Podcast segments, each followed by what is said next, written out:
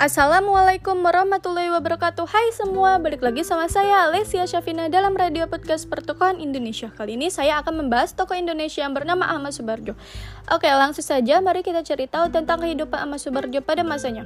Ahmad Subarjo dilahirkan di Teluk Jambe, Kerawang, Jawa Barat pada tanggal 23 Maret 1896 Ayahnya bernama Tekun Muhammad Yusuf. Ia masih keturunan bangsawan Aceh dari Pidie. Kakek Ahmad Subarjo dari pihak ayah adalah Ule Belang dan ulam dan ulama di wilayah Luang Putu, dan sedangkan Teku Yusuf adalah pegawai pemerintahan dengan jabatan Menteri Polisi di wilayah Teluk Jambe Karawang. Ibu Ahmad Sobarjo bernama Wardina. Ia keturunan Jawa Bugis dan merupakan anak dari camat camat di Teluk Agung Cirebon. Awalnya, ayahnya memberinya nama Teku Abdul Manaf, sedangkan ibunya memberi nama Ahmad Subarjo.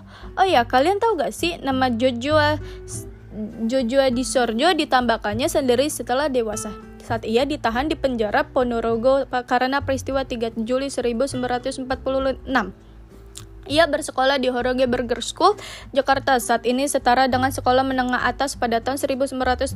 Ia kemudian melanjutkan pendidikannya di Universitas Leiden Belkalian dan memperoleh ijazah Master in the Rechten. Saat ini setara dengan sarjana hukum di bidang undang-undang pada tahun 1933. Semasa masih menjadi mahasiswa, Sobarjo aktif dalam memperjuangkan kemerdekaan Indonesia melalui beberapa organisasi seperti Jong Java dan Persatuan Mahasiswa Indonesia di Belkalian. Pada bulan Februari 1927, ia pun menjadi wakil Indonesia bersama dengan Muhammad Tata dan para ahli gerakan-gerakan Indonesia pada persiapan antarbangsa Liga menentang imperialisme dan penindasan penjajah. Yang pertama di Brussels dan kemudiannya di Jerman. Pada persidangan pertama itu juga ada Jawaharlal Nehru dan pemimpin-pemimpin nasionalis yang terkenal dari Asia Afrika. Oke, sewaktu kembalinya ke Indonesia, ia aktif menjadi anggota Badan Penyelidik Usaha Persiapan Kemerdekaan Indonesia atau bisa dibilang BPUPKI dan kemudian Panitia Persiapan Kemerdekaan Indonesia atau PPKI. Pada tanggal 16 Agustus 1945, para pemuda pejuang termasuk Khairul Saleh, Soekarni, Wikana, Sudan Kosinggi, dan pemuda lain membawa Soekarno dan Muhammad Hatta ke Rengas Dengklok. Tujuannya adalah agar Insinyur Soekarno dan Muhammad Hatta tidak terpengaruh oleh Jepang. Peristiwa ini dinamakan peristiwa Rengas Dengklok. Di sini mereka kembali meyakinkan Soekarno bahwa Jepang telah menyerap dan para pejuang telah siap untuk melawan Jepang apa pun resikonya itu. Di Jakarta, golongan muda, Wikana, dan golongan tua yaitu Ahmad Subarjo melakukan perundingan. Ahmad Subarjo menyetujui untuk memproklamasikan kemerdekaan Indonesia di Jakarta pada saat itu. Maka diutuslah Yusuf Kunto untuk mengantar Ahmad Subarjo ke Rengas Dengklok. Ahmad Subarjo berhasil meyakinkan para pejuang untuk tidak terburu-buru memproklamasikan kemerdekaan. Bahkan Ahmad Subarjo memberikan jaminan untuk taruhan nyawa bahwa proklamasi kemerdekaan akan diumumkan pada tanggal 17 Agustus 1945 selambat-lambatnya pukul 11.30 dengan adanya jaminan itu kom kalian kompi peta ringas dan klok Judanko Subeno bersedia melepaskan Soekarno dan Hatta kembali ke Jakarta. Selanjutnya, konsep naskah proklamasi disusun oleh Bung Karno, Bung Hatta, dan Ahmad Subarjo di rumah Laksamana Muda Maidah. Setelah selesai dan berargumentasi dengan para pemuda dini hari 17 Agustus 1945, Bung Karno pun segera memerintahkan Sayuti Melik untuk mengetik naskah proklamasi pada tanggal 18 Agustus 1945. Subarjo dilantik sebagai Menteri Luar Negeri pada Kabinet Presidensial. Kabinet Indonesia yang pertama dan kembali menjabat menjadi Menteri Luar Negeri sekali lagi pada tahun 1951 sampai 1952. Selain itu, ia juga menjadi duta besar Republik Indonesia di Switzerland antara tahun 1957 sampai 1961. Dalam bidang pendidikannya, Sobarjo merupakan profesor dalam bidang sejarah perlembagaan dan diplomasi Republik Indonesia di Fakultas Kesusa Kesusasteraan Universitas Indonesia. Ahmad Subarjo Jojoa Disorjo meninggal dunia dalam usia 82 tahun pada tanggal 15 Desember 1978 di Rumah Sakit Pertamina Kebayoran Baru akibat flu yang menimbulkan komplikasi. Ia dimakamkan, dimakamkan di rumah peristirahatannya di Cipayung, Bogor. Pemerintah mengangkat almarhum sebagai pahlawan nasional pada tahun 2009. Oke, sekian cerita tentang kehidupan Ahmad Subarjo pada saat itu. Semoga podcast kali ini bisa bermanfaat bagi kalian semua yang mendengarkannya. Terima kasih. Wassalamualaikum warahmatullahi wabarakatuh.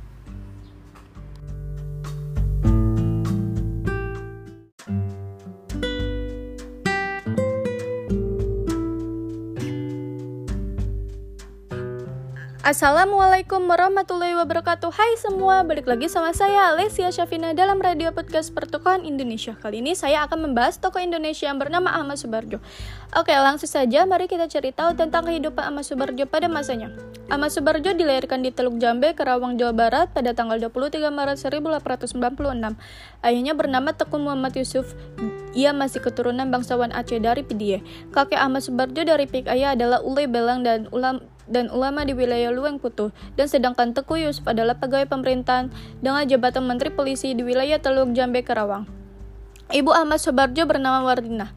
Ia keturunan Jawa Bugis dan merupakan anak dari camat camat di Teluk Agung Cirebon. Awalnya, ayahnya memberinya nama Teku Abdul Manaf, sedangkan ibunya memberi nama Ahmad Subarjo. Oh ya, kalian tahu gak sih nama Jojoa Jojoa Disorjo ditambahkannya sendiri setelah dewasa? Saat ia ditahan di penjara Ponorogo karena peristiwa 3 Juli 1946.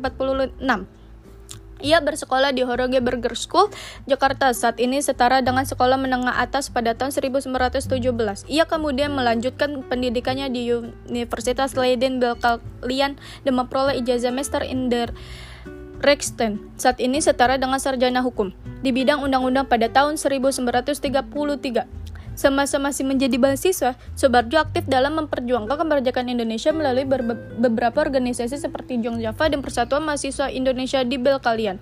Pada bulan Februari 1927, ia pun menjadi wakil Indonesia bersama dengan Muhammad Tata dan para ahli gerakan-gerakan Indonesia pada persiapan antarbangsa Liga menentang imperialisme dan penindasan penjajah. Yang pertama di Brussels dan kemudiannya di Jerman. Pada persidangan pertama itu juga ada Jawaharlal Nehru dan pemimpin-pemimpin nasionalis yang terkenal dari Asia Afrika. Oke, sewaktu kembalinya ke Indonesia, ia aktif menjadi anggota Badan Penyelidik Usaha Persiapan Kemerdekaan Indonesia atau bisa dibilang BPUPKI dan kemudian Panitia Persiapan Kemerdekaan Indonesia atau PPKI.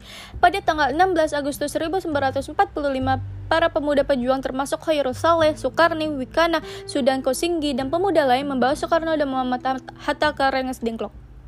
Tujuannya adalah agar Insinyur Soekarno dan Muhammad Hatta tidak terpengaruh oleh Jepang. Peristiwa ini dinamakan peristiwa Rengas Dengklok. Di sini mereka kembali meyakinkan Soekarno bahwa Jepang telah menyerap dan para pejuang telah siap untuk melawan Jepang apa pun resikonya itu. Di Jakarta, golongan muda, Wikana, dan golongan tua yaitu Ahmad Subarjo melakukan perundingan. Ahmad Subarjo menyetujui untuk memproklamasikan kemerdekaan Indonesia di Jakarta pada saat itu. Maka diutuslah Yusuf Kunto untuk mengantar Ahmad Subarjo ke Rengas Dengklok. Ahmad Subarjo berhasil meyakinkan para pejuang untuk tidak terburu-buru memproklamasikan kemerdekaan. Bahkan Ahmad Subarjo memberikan jaminan untuk taruhan nyawa bahwa proklamasi kemerdekaan akan diumumkan pada tanggal 17 Agustus 1945. Selambat-lambatnya pukul 11.30 dengan adanya jaminan itu, kom kalian kompi peta ringas dan klok Cudangko Subeno bersedia melepaskan Soekarno dan Hatta kembali ke Jakarta. Selanjutnya, konsep naskah proklamasi disusun oleh Bung Karno, Bung Hatta, dan Ahmad Subarjo di rumah Laksamana Muda Maidah. Setelah selesai dan berargumentasi dengan para pemuda dini hari 17 Agustus 1945, Bung Karno pun segera memerintahkan Sayuti Melik untuk mengetik naskah proklamasi pada tanggal 18 Agustus 1945. Subarjo dilantik sebagai Menteri Luar Negeri pada Kabinet Presidensial. Kabinet Indonesia yang pertama dan kembali menjabat menjadi Menteri Luar Negeri sekali lagi pada tahun 1951 sampai 1952. Selain itu, ia juga menjadi duta besar Republik Indonesia di Switzerland antara tahun 1957 sampai 1961. Dalam bidang pendidikannya, Sobarjo merupakan profesor dalam bidang sejarah perlembagaan dan diplomasi Republik Indonesia di Fakultas Kesusa Kesusasteraan Universitas Indonesia. Ahmad Subarjo Jojoa Disorjo meninggal dunia dalam usia 82 tahun pada tanggal 15 Desember 1978 di Rumah Sakit Pertamina Kebayoran Baru akibat flu yang menimbulkan komplikasi. Ia dimakamkan, dimakamkan di rumah peristirahatannya di Cipayung, Bogor. Pemerintah mengangkat almarhum sebagai pahlawan nasional pada tahun 2009. Oke, sekian cerita tentang kehidupan Ahmad Subarjo pada saat itu. Semoga podcast kali ini bisa bermanfaat bagi kalian semua yang mendengarkannya. Terima kasih. Wassalamualaikum warahmatullahi wabarakatuh.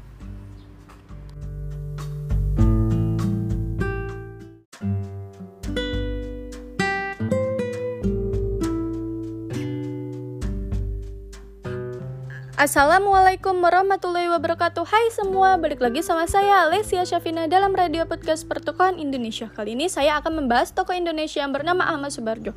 Oke langsung saja mari kita cari tahu tentang kehidupan Ahmad Subarjo pada masanya. Ahmad Subarjo dilahirkan di Teluk Jambe, Karawang, Jawa Barat pada tanggal 23 Maret 1896 Ayahnya bernama Tekun Muhammad Yusuf. Ia masih keturunan bangsawan Aceh dari Pidie. Kakek Ahmad Subarjo dari pik ayah adalah Ule Belang dan ulam dan ulama di wilayah Luang Putu, dan sedangkan Teku Yusuf adalah pegawai pemerintahan dengan jabatan Menteri Polisi di wilayah Teluk Jambe Karawang. Ibu Ahmad Sobarjo bernama Wardina. Ia keturunan Jawa Bugis dan merupakan anak dari camat camat di Teluk Agung Cirebon. Awalnya ayahnya memberinya nama Teku Abdul Manaf sedangkan ibunya memberi nama Ahmad Subarjo. Oh ya, kalian tahu gak sih nama Jojoa Jojoa di Sorjo ditambahkannya sendiri setelah dewasa saat ia ditahan di penjara Ponorogo karena peristiwa 3 Juli 1946. Ia bersekolah di Horoge Burger School, Jakarta. Saat ini setara dengan sekolah menengah atas pada tahun 1917. Ia kemudian melanjutkan pendidikannya di Universitas Leiden Belkalian dan memperoleh ijazah Master in der Rechten. Saat ini setara dengan sarjana hukum di bidang undang-undang pada tahun 1933. Semasa masih menjadi mahasiswa, Sobarjo aktif dalam memperjuangkan kemerdekaan Indonesia melalui beberapa organisasi seperti Jong Java dan Persatuan Mahasiswa Indonesia di Belkalian. Pada bulan Februari 1927, ia pun menjadi wakil Indonesia bersama dengan Muhammad Tata dan para ahli gerakan-gerakan Indonesia pada persiapan antarbangsa Liga menentang imperialisme dan penindasan penjajah. Yang pertama di Brussels dan kemudiannya di Jerman. Pada persidangan pertama itu juga ada Jawaharlal Nehru dan pemimpin-pemimpin nasionalis yang terkenal dari Asia Afrika. Oke, sewaktu kembalinya ke Indonesia, ia aktif menjadi anggota Badan Penyelidik Usaha Persiapan Kemerdekaan Indonesia atau bisa dibilang BPUPKI dan kemudian Panitia Persiapan Kemerdekaan Indonesia atau PPKI. Pada tanggal 16 Agustus 1945, para pemuda pejuang termasuk Khairul Saleh, Soekarni, Wikana, Sudan Kosinggi, dan pemuda lain membawa Soekarno dan Muhammad Hatta ke Rengas Dengklok. Tujuannya adalah agar Insinyur Soekarno dan Muhammad Hatta tidak terpengaruh oleh Jepang. Peristiwa ini dinamakan peristiwa Rengas Dengklok. Di sini mereka kembali meyakinkan Soekarno bahwa Jepang telah menyerap dan para pejuang telah siap untuk melawan Jepang apa pun resikonya itu. Di Jakarta, golongan muda, Wikana, dan golongan tua yaitu Ahmad Subarjo melakukan perundingan. Ahmad Subarjo menyetujui untuk memproklamasikan kemerdekaan Indonesia di Jakarta pada saat itu. Maka diutuslah Yusuf Kunto untuk mengantar Ahmad Subarjo ke Rengas Dengklok. Ahmad Subarjo berhasil meyakinkan para pejuang untuk tidak terburu-buru memproklamasikan kemerdekaan. Bahkan Ahmad Subarjo memberikan jaminan untuk taruhan nyawa bahwa proklamasi kemerdekaan akan diumumkan pada tanggal 17 Agustus 1945 selambat-lambatnya pukul 11.30 dengan adanya jaminan itu kom kalian kompi peta ringas dan klok Cudangko Subeno bersedia melepaskan Soekarno dan Hatta kembali ke Jakarta. Selanjutnya, konsep naskah proklamasi disusun oleh Bung Karno, Bung Hatta, dan Ahmad Subarjo di rumah Laksamana Muda Maidah. Setelah selesai dan berargumentasi dengan para pemuda dini hari 17 Agustus 1945, Bung Karno pun segera memerintahkan Sayuti Melik untuk mengetik naskah proklamasi pada tanggal 18 Agustus 1945. Subarjo dilantik sebagai Menteri Luar Negeri pada Kabinet Presidensial. Kabinet Indonesia yang pertama dan kembali menjabat menjadi Menteri Luar Negeri sekali lagi pada tahun 1951 sampai 1952. Selain itu, ia juga menjadi duta besar Republik Indonesia di Switzerland antara tahun 1957 sampai 1961. Dalam bidang pendidikannya, Sobarjo merupakan profesor dalam bidang sejarah perlembagaan dan diplomasi Republik Indonesia di Fakultas Kesusa Kesusasteraan Universitas Indonesia. Ahmad Subarjo Jojoa Disorjo meninggal dunia dalam usia 82 tahun pada tanggal 15 Desember 1978 di Rumah Sakit Pertamina Kebayoran Baru akibat flu yang menimbulkan komplikasi. Ia dimakamkan, dimakamkan di rumah peristirahatannya di Cipayung, Bogor. Pemerintah mengangkat almarhum sebagai pahlawan nasional pada tahun 2009. Oke, sekian cerita tentang kehidupan Ahmad Subarjo pada saat itu. Semoga podcast kali ini bisa bermanfaat bagi kalian semua yang mendengarkannya. Terima kasih. Wassalamualaikum warahmatullahi wabarakatuh.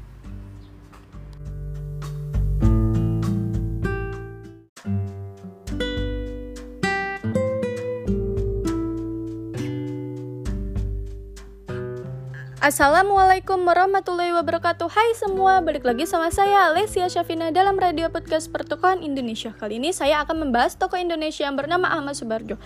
Oke langsung saja mari kita cari tentang kehidupan Ahmad Subarjo pada masanya. Ahmad Subarjo dilahirkan di Teluk Jambe, Karawang, Jawa Barat pada tanggal 23 Maret 1896 Ayahnya bernama Tekun Muhammad Yusuf. Ia masih keturunan bangsawan Aceh dari Pidie. Kakek Ahmad Subarjo dari pihak ayah adalah Ule Belang dan ulam dan ulama di wilayah Luang Putu, dan sedangkan Teku Yusuf adalah pegawai pemerintahan dengan jabatan Menteri Polisi di wilayah Teluk Jambe Karawang. Ibu Ahmad Sobarjo bernama Wardina. Ia keturunan Jawa Bugis dan merupakan anak dari camat camat di Teluk Agung Cirebon. Awalnya, ayahnya memberinya nama Teku Abdul Manaf, sedangkan ibunya memberi nama Ahmad Subarjo. Oh ya, kalian tahu gak sih nama Jojoa Jojoa Disorjo ditambahkannya sendiri setelah dewasa saat ia ditahan di penjara Ponorogo karena peristiwa 3 Juli 1946. Ia bersekolah di Horoge Burger School, Jakarta. Saat ini setara dengan sekolah menengah atas pada tahun 1917.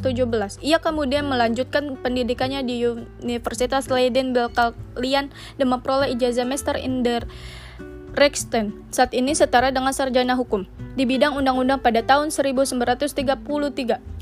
Semasa masih menjadi mahasiswa, Sobarjo aktif dalam memperjuangkan kemerdekaan Indonesia melalui beberapa organisasi seperti Jong Java dan Persatuan Mahasiswa Indonesia di Belkalian. Pada bulan Februari 1927, ia pun menjadi wakil Indonesia bersama dengan Muhammad Tata dan para ahli gerakan-gerakan Indonesia pada persiapan antarbangsa Liga menentang imperialisme dan penindasan penjajah. Yang pertama di Brussels dan kemudiannya di Jerman.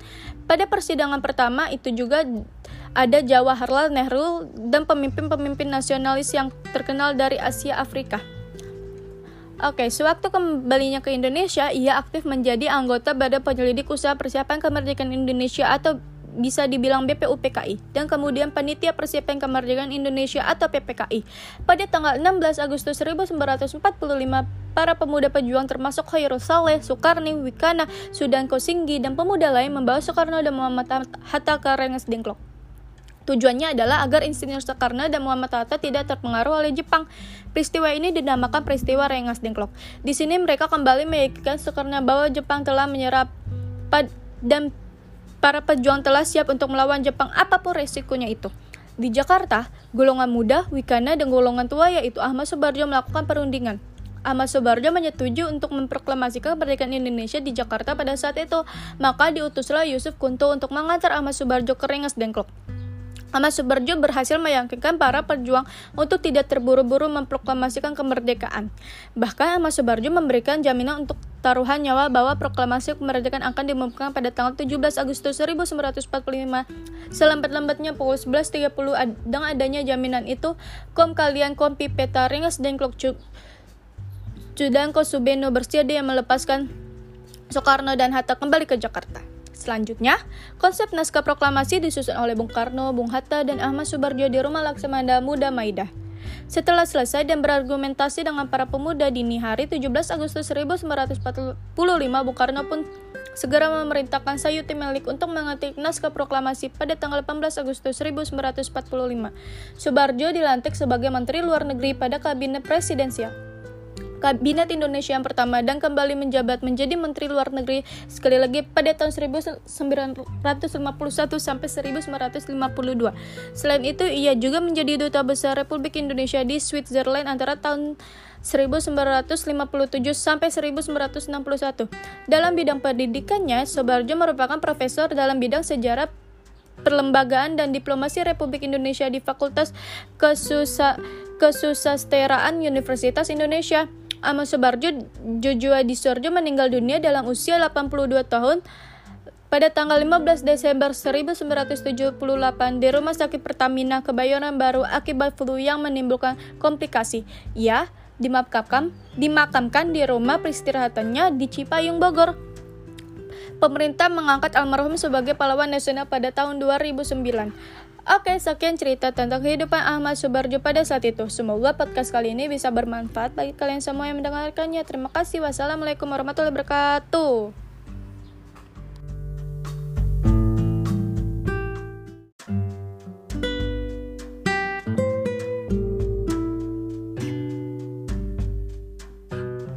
Assalamualaikum warahmatullahi wabarakatuh. Hai semua, balik lagi sama saya Lesia Syafina dalam radio podcast Pertukaran Indonesia. Kali ini saya akan membahas tokoh Indonesia yang bernama Ahmad Subarjo. Oke langsung saja mari kita cari tahu tentang kehidupan Ahmad Subarjo pada masanya. Ahmad Subarjo dilahirkan di Teluk Jambe, Kerawang, Jawa Barat pada tanggal 23 Maret 1896 Ayahnya bernama Tekun Muhammad Yusuf.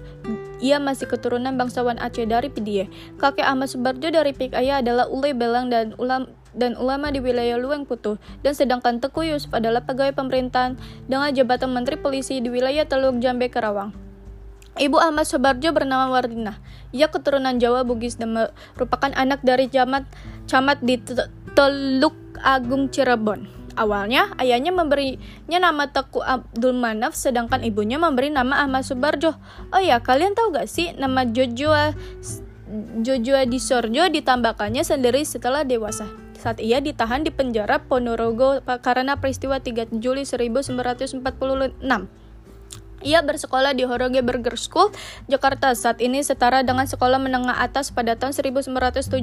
Ia kemudian melanjutkan pendidikannya di Universitas Leiden Belkalian dan memperoleh ijazah Master in der Rechten. Saat ini setara dengan sarjana hukum di bidang undang-undang pada tahun 1933.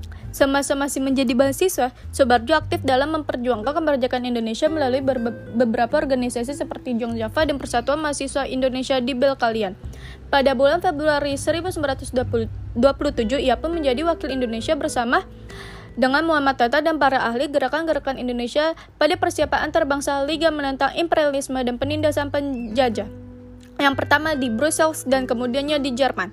Pada persidangan pertama itu juga ada Jawaharlal Nehru dan pemimpin-pemimpin nasionalis yang terkenal dari Asia Afrika.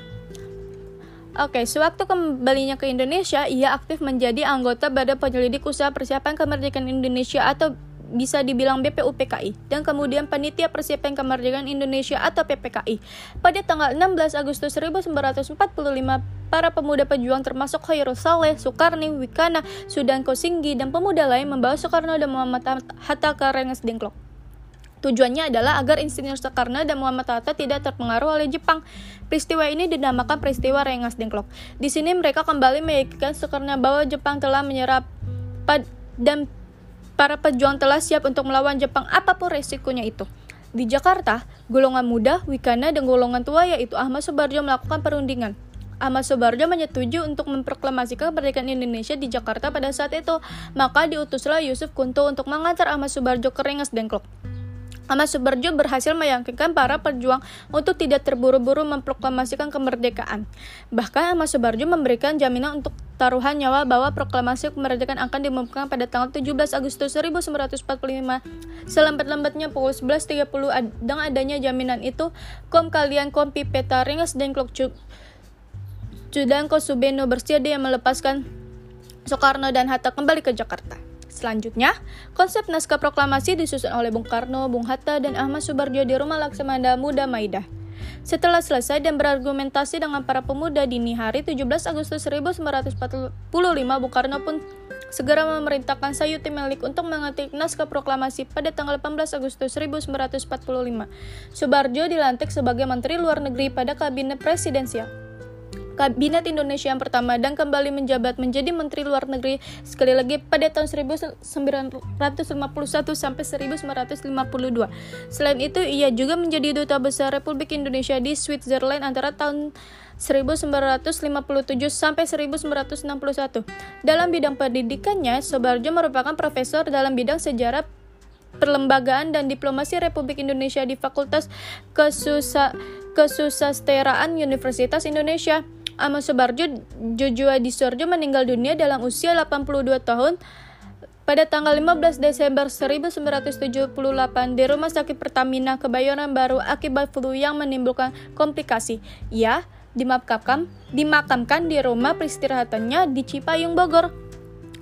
Pemerintah mengangkat almarhum sebagai pahlawan nasional pada tahun 2009. Oke, sekian cerita tentang kehidupan Ahmad Subarjo pada saat itu. Semoga podcast kali ini bisa bermanfaat bagi kalian semua yang mendengarkannya. Terima kasih. Wassalamualaikum warahmatullahi wabarakatuh.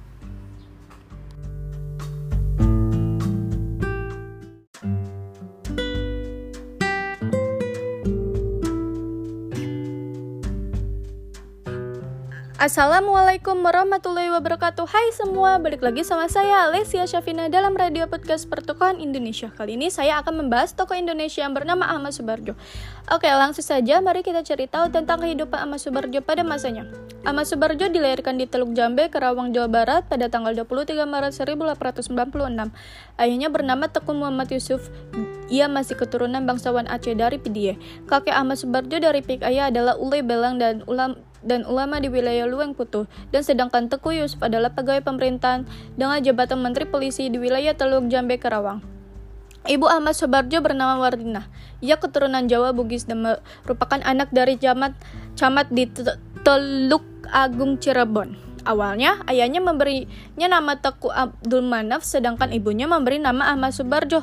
Oh ya, kalian tahu gak sih nama Jojoa Jojoa Disorjo ditambahkannya sendiri setelah dewasa saat ia ditahan di penjara Ponorogo karena peristiwa 3 Juli 1946.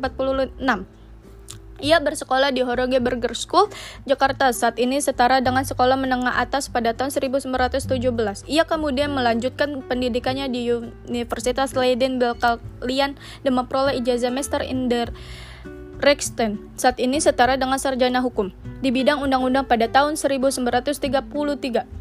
Semasa masih menjadi mahasiswa, Sobarjo aktif dalam memperjuangkan kemerdekaan Indonesia melalui beberapa organisasi seperti Jong Java dan Persatuan Mahasiswa Indonesia di Belkalian. Pada bulan Februari 1927, ia pun menjadi wakil Indonesia bersama dengan Muhammad Tata dan para ahli gerakan-gerakan Indonesia pada persiapan antarbangsa Liga menentang imperialisme dan penindasan penjajah. Yang pertama di Brussels dan kemudiannya di Jerman. Pada persidangan pertama itu juga ada Jawaharlal Nehru dan pemimpin-pemimpin nasionalis yang terkenal dari Asia Afrika. Oke, sewaktu kembalinya ke Indonesia, ia aktif menjadi anggota Badan Penyelidik Usaha Persiapan Kemerdekaan Indonesia atau bisa dibilang BPUPKI dan kemudian Panitia Persiapan Kemerdekaan Indonesia atau PPKI. Pada tanggal 16 Agustus 1945, para pemuda pejuang termasuk Khairul Saleh, Soekarni, Wikana, Sudan Kosinggi, dan pemuda lain membawa Soekarno dan Muhammad Hatta ke Rengas Dengklok. Tujuannya adalah agar Insinyur Soekarno dan Muhammad Hatta tidak terpengaruh oleh Jepang. Peristiwa ini dinamakan peristiwa Rengas Dengklok. Di sini mereka kembali meyakinkan Soekarno bahwa Jepang telah menyerap dan para pejuang telah siap untuk melawan Jepang apa pun resikonya itu. Di Jakarta, golongan muda, Wikana, dan golongan tua yaitu Ahmad Subarjo melakukan perundingan. Ahmad Subarjo menyetujui untuk memproklamasikan kemerdekaan Indonesia di Jakarta pada saat itu.